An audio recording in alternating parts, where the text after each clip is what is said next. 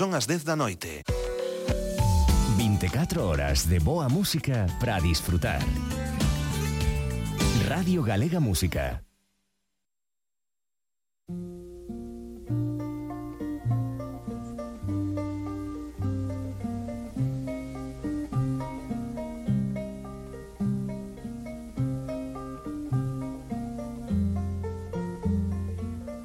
Cara B, con Manuel de Lorenzo.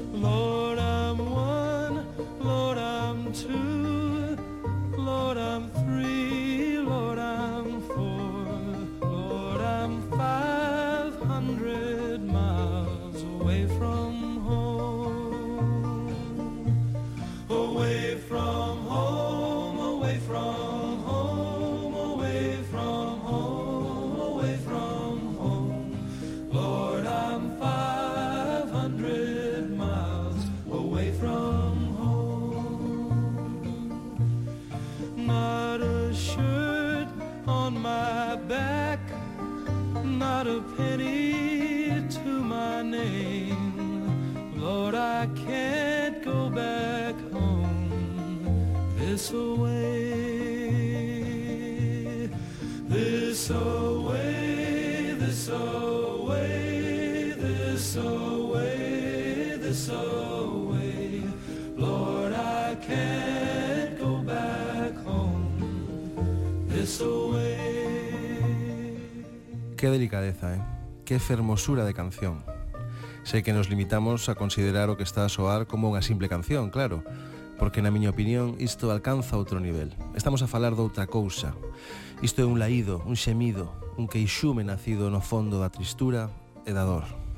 If you miss the train I'm on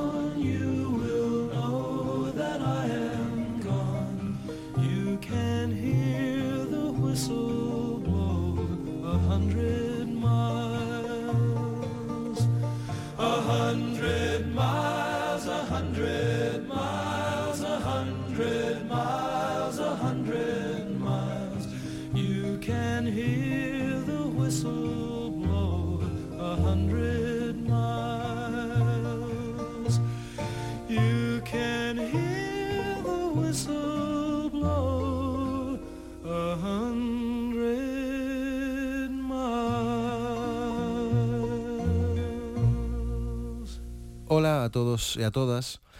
Hoxe abrimos este programa con esta maravillosa peza de The Journeyman, 500 Miles, publicada no ano 1961, porque malia ser unha versión dunha canción popular de folk tradicional estadounidense, penso que na súa feitura xa podemos atopar a sensibilidade e o talento do que foi o líder de The Journeyman, John Phillips, que tras a separación do grupo se convertería no líder dunha das bandas máis celebradas da xeración hippie na segunda metade da década dos 60, The Mamas and the Papas.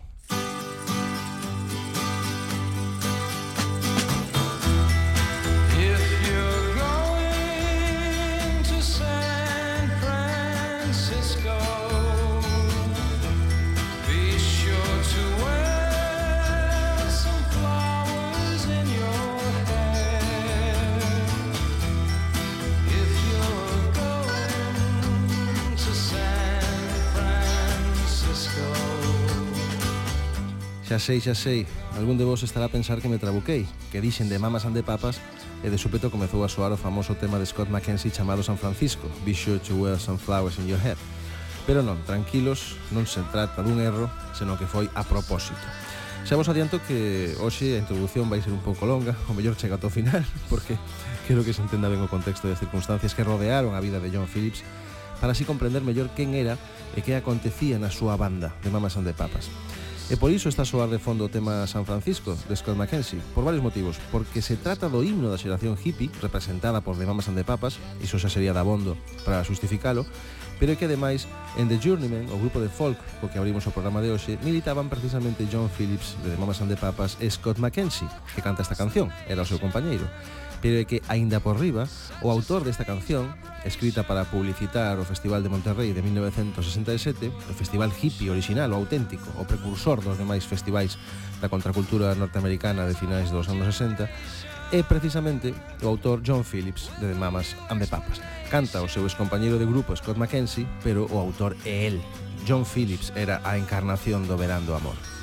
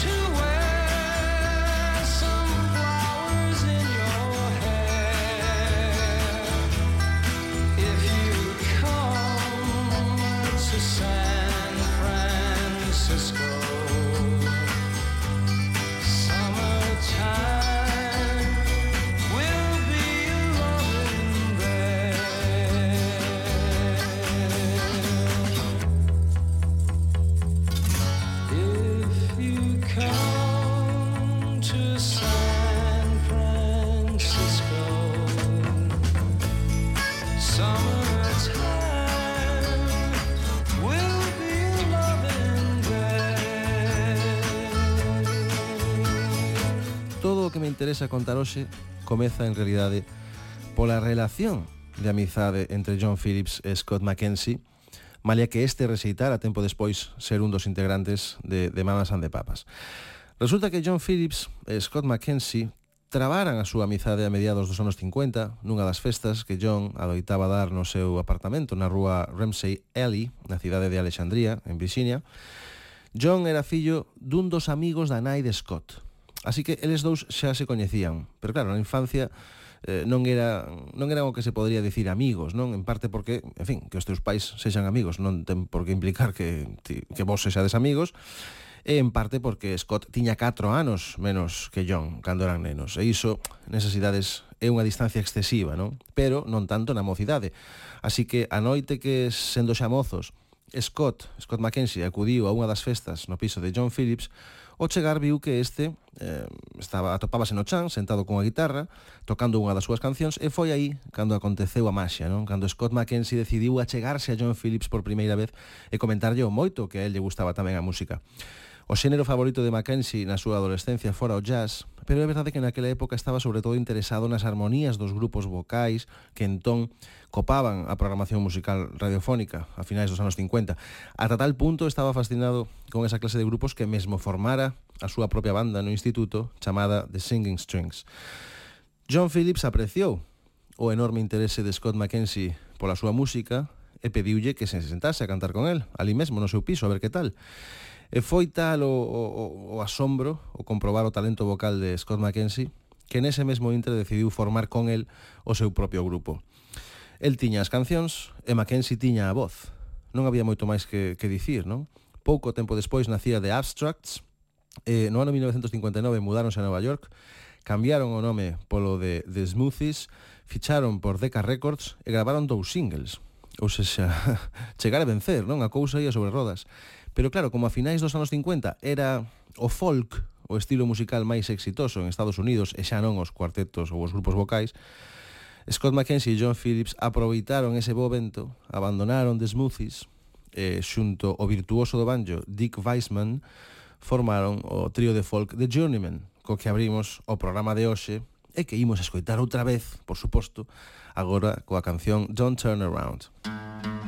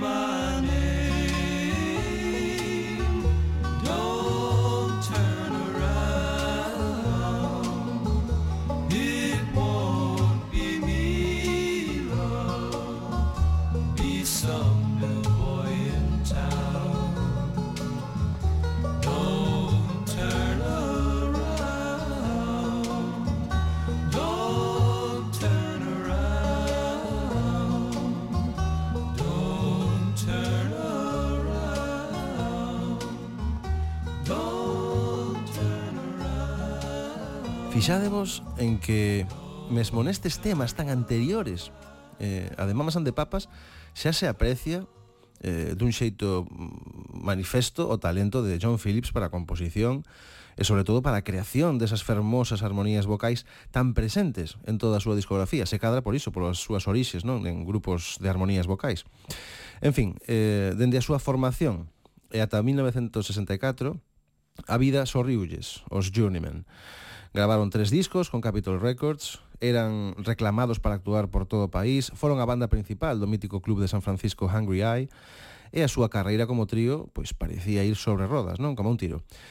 E seguramente rematarían sendo unha das grandes bandas estadounidenses de non ser polo furacán musical que estaba a piques de chegar dende o outro lado do Atlántico e que cambiaría a forma de facer cancións e mesmo os gustos musicais do público de todo o planeta para sempre porque de súpeto a tranquila paisaxe musical estadounidense veuse abaixo cando a propia Capitol Records, que era a discográfica de, de, de Journeyman, publicou un single que estaba destinado a esnaquizar as listas de éxitos e o propio panorama musical como xa o esnaquizara no Reino Unido. I Wanna Hold Your Hand.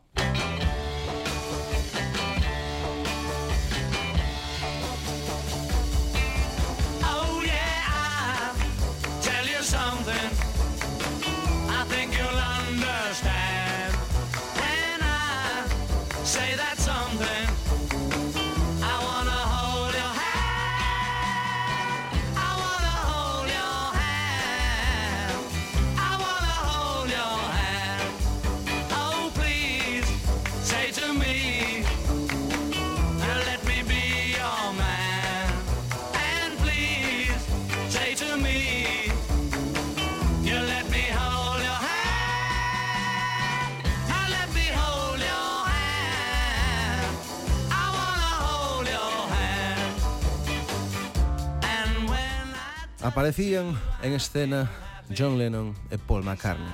E moito me temo que ese tsunami era imparable xa. Poucos grupos foron capaces de aguantar en pé a arremetida que supuxo a coñecida como invasión británica, British Invasion.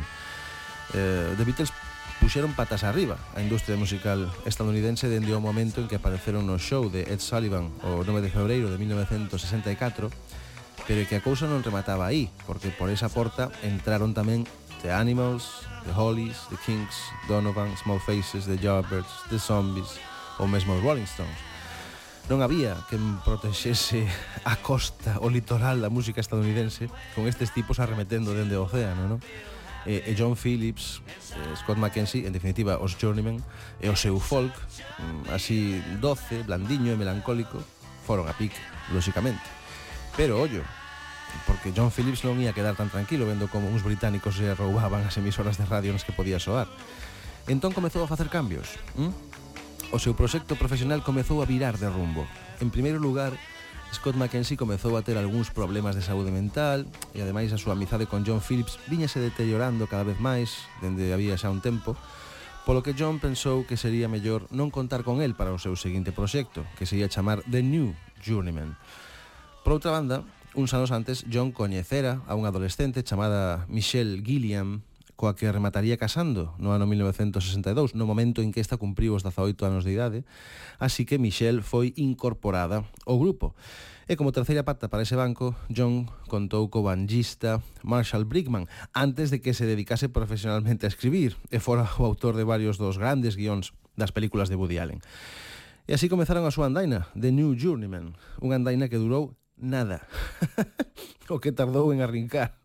Eh, Brickman deixou o trío e John Phillips puxos en contacto con Danny Doherty, da banda de folk rock de Macwumps, e foi precisamente Danny Doherty quen lle recomendou a John que ficharan a voz feminina dos Macwumps debido á súa calidade e potencia vocal e tamén coa intención de que na formación houvese varios nomes máis ou menos coñecidos que pudesen servir de reclamo para o gran público e así poder competir con The Animals, The Rolling Stones, The Kings, The Who, e os demais grupos da British Invasion.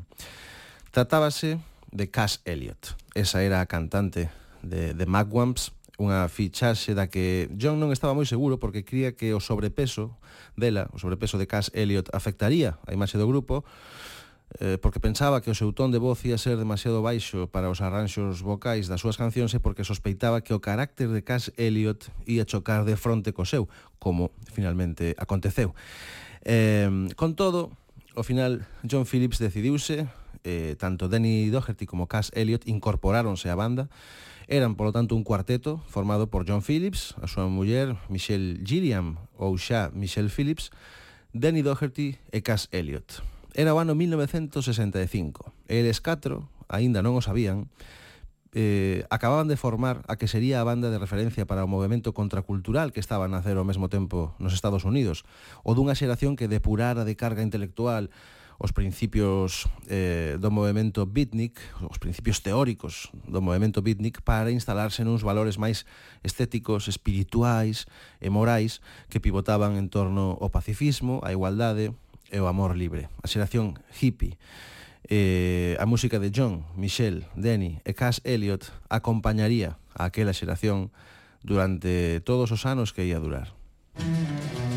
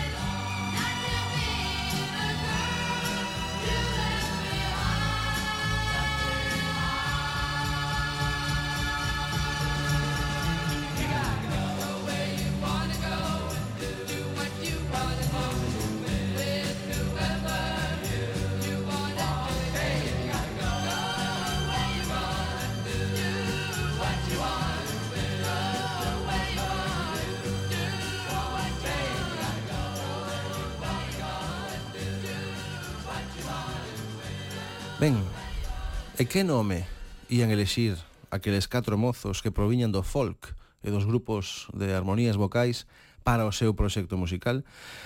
Hai dúas versións sobre isto. Nun principio, eh, o grupo chamouse The Magic Circle, por, en fin, eles, o, o que pasaba é que buscaban algo con, con máis forza, que chamase máis atención e que fora máis sinxelo de recordar, Naquela época no club de motoristas, o afamado club chamado Hells Angels, as mozas chamábanas mamas. Así que Eh, os catro cantantes pensaron que se elas eran as mamas, eles debían ser os papas. Esta é a primeira versión. A segunda conta que alguén puxo un día a televisión, estaban a votar un programa de entrevistas, Cass Elliot escoitou a alguén referirse a unha muller como unha mama e dixo que ela quería ser tamén unha mama. Mama Cass, non? como de feito sería coñecida de aí en diante, Mama Cass. Michelle comentou entón que ela tamén quería ser unha mama. Así que John e Denny dixeron que se elas ían ser as mamas, eles terían que ser os papas. Calquera das dúas versións conduce ao mesmo lugar. Non Poníanse en marcha unha das poucas bandas xunto cos Beach Boys e The Birds que foi capaz de facer fronte, de frear a British Invasion na segunda década dos anos 60. Arrincaba a súa andaina de Mamas and the Papas. Música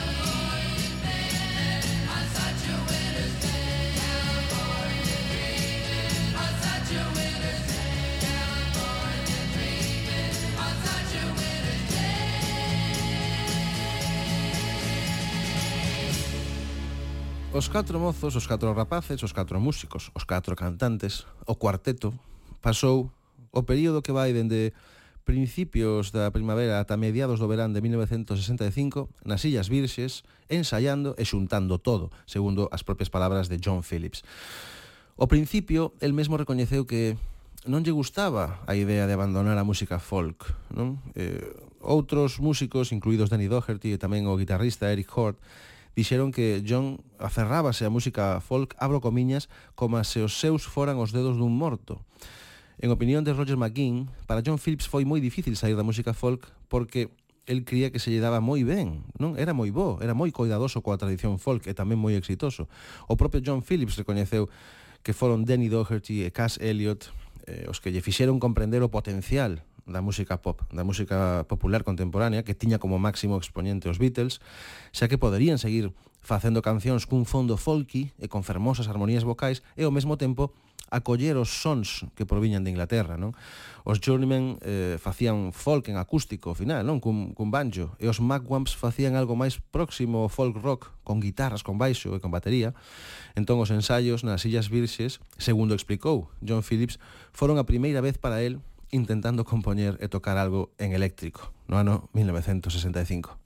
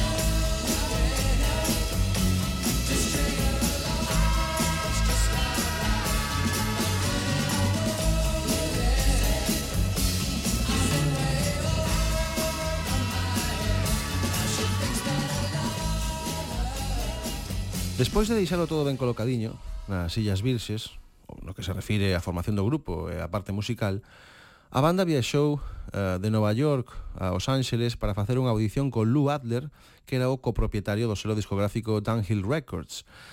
A audición foi un éxito, é verdade que foi organizada por Barry Maguire, que era amigo de Cass Elliot e de John Phillips ao mesmo tempo, pero por separado, eh, fora o seu amigo nos anos anteriores, e acababa de asinar recentemente con Dunhill Records. Entón, claro, Mamas and the Papas xogaban con certa vantaxe. Pero, en fin, a audición foi un éxito. Asinaron con este selo discográfico Dunhill Records.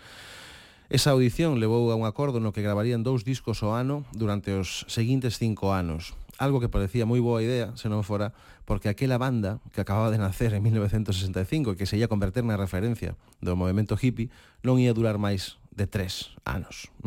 Os celos, as traizóns sentimentais serían o final dun dos proxectos musicais máis interesantes dos anos 60, pero calma. Agora imos con iso. Bye.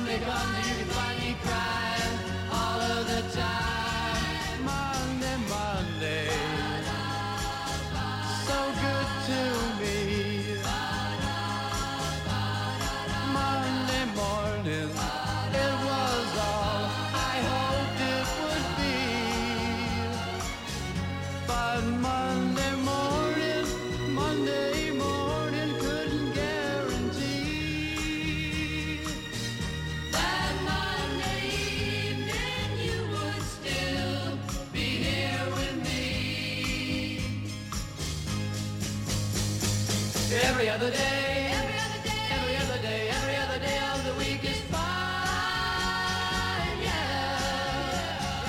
But whenever Monday comes, but whenever Monday comes, you can find me crying all of the time.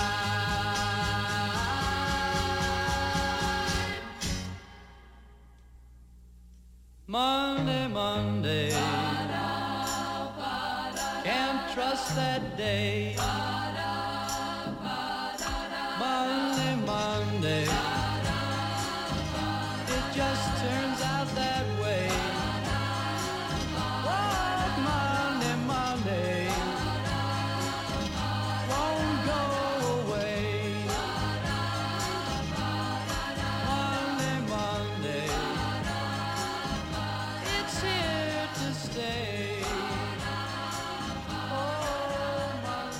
Pasaron tres anos, eh, cinco discos, e a cousa rompeuse para sempre. ¿Mm? Por un lado temos os problemas sentimentais, pero hubo algo máis, a tensión entre Cass Elliot e John Phillips.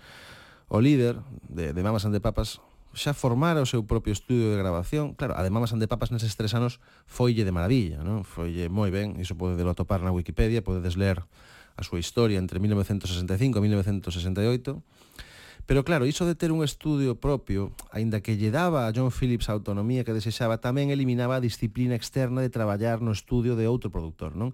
Algo que era moi beneficioso para un home que se describía a sí mesmo como un perfeccionista obsesivo, porque non paraba de querer correxir todo constantemente sen que ninguén lle dixera que parara, porque era o seu propio estudio de grabación. Cass Elliot queixouse públicamente disto das manías de John a revista Rolling Stone en outubro de 1968 coa seguinte declaración. Pasamos un mes completo cunha soa canción. Só as voces de The Love of Ivy leváronnos un mes completo. Eu gravei o meu álbum de debut en solitario en tres semanas, nun total de 10 días no estudio.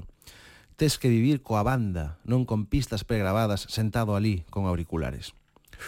Claro, son declaracións moi duras e como consecuencia as sesións de grabación do cuarto álbum eh, estancáronse e en setembro de 1968 John Phillips convocou unha conferencia de prensa para anunciar que de mamas and the papas estaban a tomarse un descanso. O grupo planeou dar concertos no Royal Albert Hall de Londres e no Olimpia de París antes de tomarse un descanso en Mallorca para facer que a musa volver a funcionar, segundo as súas propias palabras. Sen embargo, cando o grupo chegou a Southampton, en outubro, Cass Elliot foi arrestada porque resulta que roubara dúas mantas e unha chave do hotel a anterior vez que estivera en Inglaterra, no febreiro anterior. Entón, Cass Elliot foi trasladada a Londres, onde pasou unha noite baixo custodia, antes de que o caso fose desestimado no Tribunal de Primeira Instancia de West London o día seguinte tivo que declarar ante o Suiz. Realmente o hotel non estaba moi interesado nas mantas, estaba máis interesado na factura que quedara sen pagar, porque resulta que Cass Elliot confiara o diñeiro ao seu compañeiro, e este pois esqueceuse de saldar a conta ou, ou quedouse cos cartos, non? Máis tarde, nunha festa organizada pola banda en Londres para celebrar a absolución de Cass Elliot, John Phillips interrompeu a esta mentras ela lle estaba a contar a Mick Jagger como fora o seu arresto, non o seu suizo. Entón John, avergoñado de como lle estaba a falar a Mick Jagger, dixo, Mick, eh, desculpa, ela entendeu no todo mal. Non foi así en absoluto non sei, supoño que para non quedar mal delante dunha, est dunha estrela do rock como Mick Jagger. Entón Cass Elliot comezou a gritar a John Phillips, este saiu furioso da habitación, eh, Cass Elliot anunciou que quería renunciar ao grupo, as datas do Royal Albert Hall e do Olympia foron canceladas e os catro tomaron aí camiños separados. John e Michelle Phillips marcharon a Marrocos, Danny Doherty regresou aos Estados Unidos e Cass Elliot marchou ou ben aos Estados Unidos, segundo John Phillips, ou ben a París, segundo Michel. Nunha entrevista coa revista Melody Maker, Cass Elliot anunciou unilateralmente que The Mamas and the Papas se disolvían e dixo pensamos que esta viaxe estimularía o grupo, pero non foi así. While I'm far away from you, my baby, I know it's hard.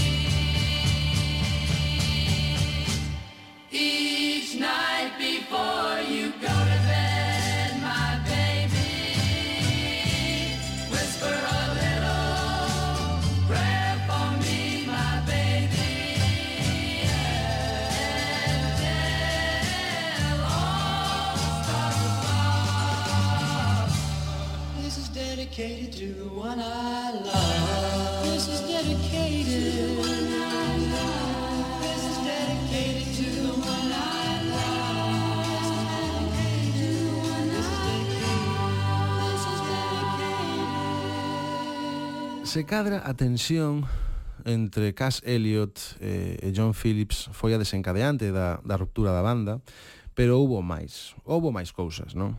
Eh, aí estaba o alcoholismo, o abuso das drogas, os problemas de saúde mental de Cass Elliot e fundamentalmente os problemas sentimentais, ou mellor dito, os celos, non? e a infidelidade.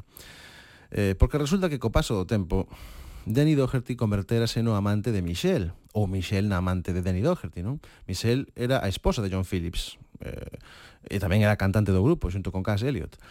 Pero os dous, Danny e Michelle, mantiveron o seu romance en secreto e as cousas marchaban dun xeito normal ata que un día, durante unha viaxe a México, Danny contoulle a Cass Elliot que Michel e máis el non só eran amantes, senón que el estaba secretamente enamorado de Michel. Entón, Cass Elliot, o saber, o coñecer aquilo, púxose moi furiosa porque a súa vez ela estaba namorada en segredo de Denny. Menudo, menudo lío. Estes segredos de todos os xeitos non duraron moito, porque tempo despois John, John Phillips atopou na súa cama a Michelle, a súa esposa Michelle con Danny, e marchou de casa. É verdade que máis adiante Michelle e John eh, Michelle e John lograron reconciliarse e mercaron xuntos unha casa en Bel Air, tentando sair adiante, e as cousas foron ben por un tempo, pero claro, aí as unións persoais entre os membros do grupo xa estaban quebradas, non? Denny comezou a beber moito para esquecer a Michelle, chegaron esas tensións entre John Phillips e Cass Elliot da que, das que vos falei, e o grupo dirixíase sen remedio cara ao seu final.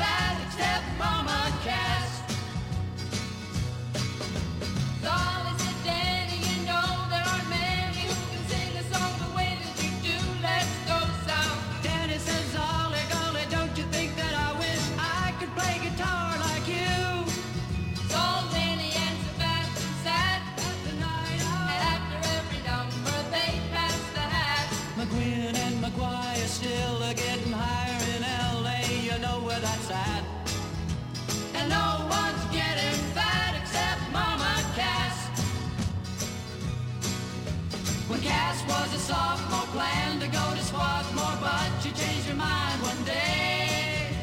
Standing on the turnpike,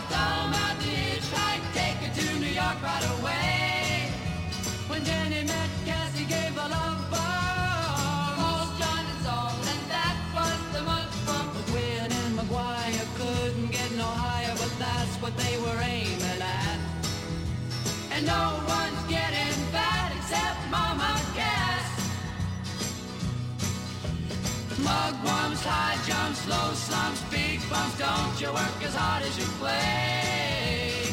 Make up, break off, everything is shake up. Yes, it had to be that way. Sebastian hands off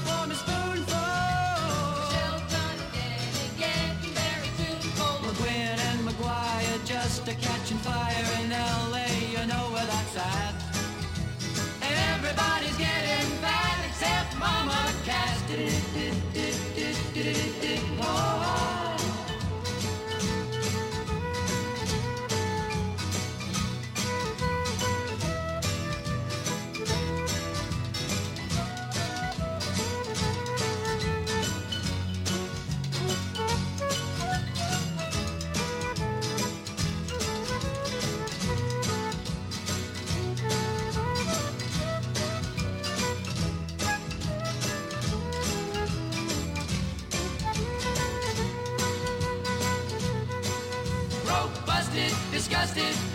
Can't be trusted, and then she wants to go to the sea. Cass can't make it, she says we'll have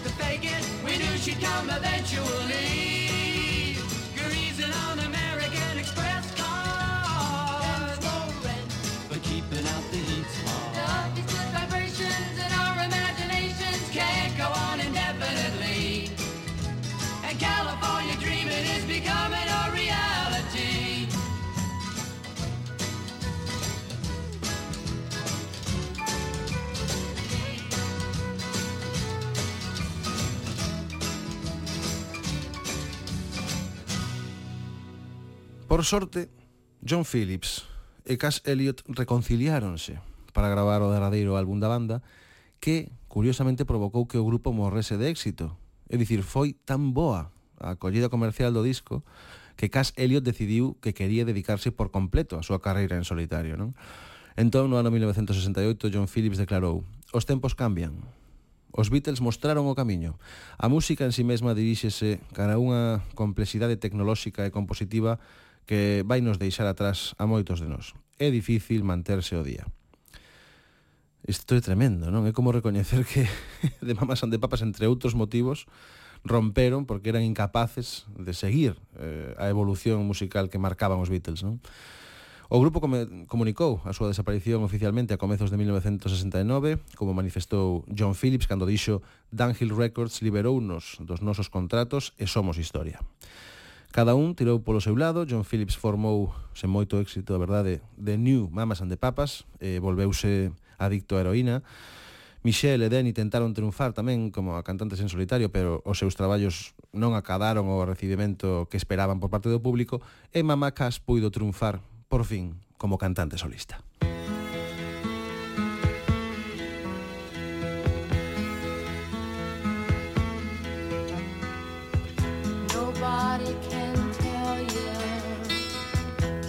Only one song worth singing. They may try and sell you,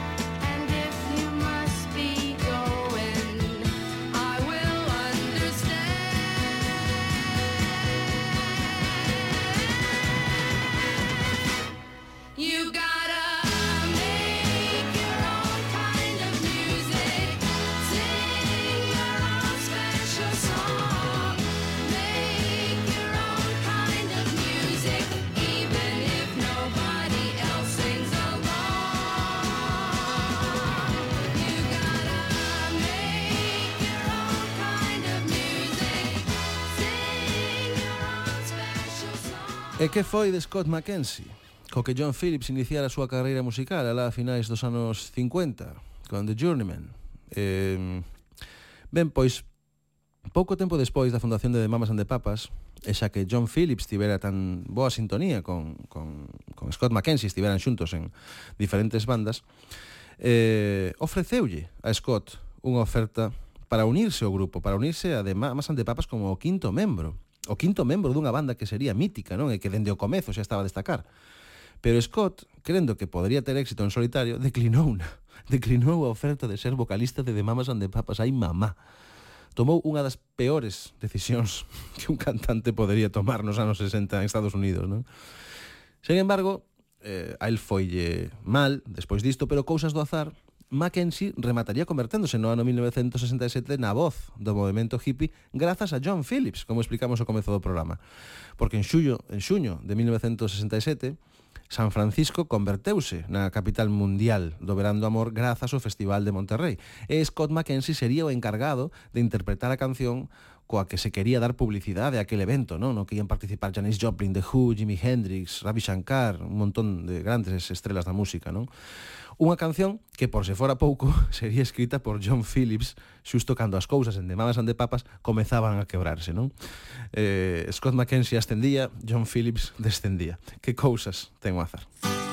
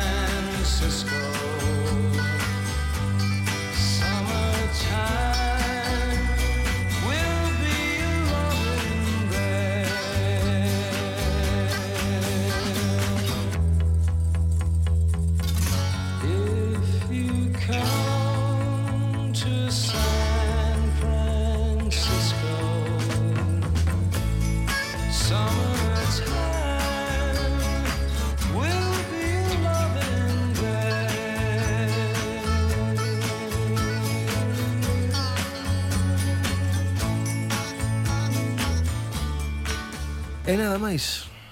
Ata aquí este programa sobre a traxectoria dun compositor excelente, John Phillips, eh, eh, sobre o final dunha das bandas máis exitosas dos anos 60, eh, un grupo mm, que sería o principal representante do movimento hippie, de mamas and de papas, que morarían por mor dos celos, da infidelidade e das tensas relacións persoais entre os seus membros.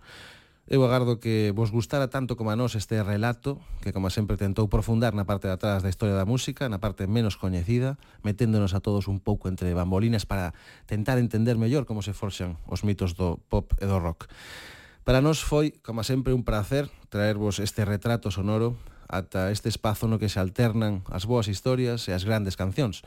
Así que esperamos por todos vos a vindeira semana noutra entrega de Cara B. Pero se queredes atopar o resto dos nosos episodios, non escuzades, non esquezades, perdón, buscarnos na plataforma Radio Galega Podcast ou na web da Radio Galega. Coidadevos moito. Música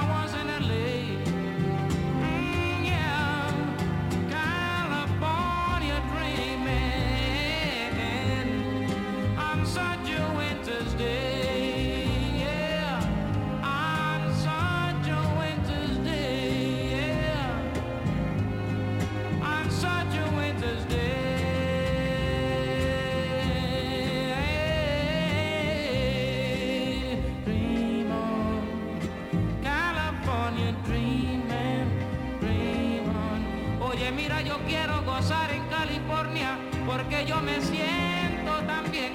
Y por eso yo te quiero, porque tú me tratas bien en California. Mira, no seas tan mala, nena, no me trates así. Que yo me quiero morir, muchachita, por tu amor, por tu amor, nada más. Oye, no me digas que no, porque yo. Oye, mulata, mira, baby, eh, California dreaming. Este it doesn't matter how you say it. says I love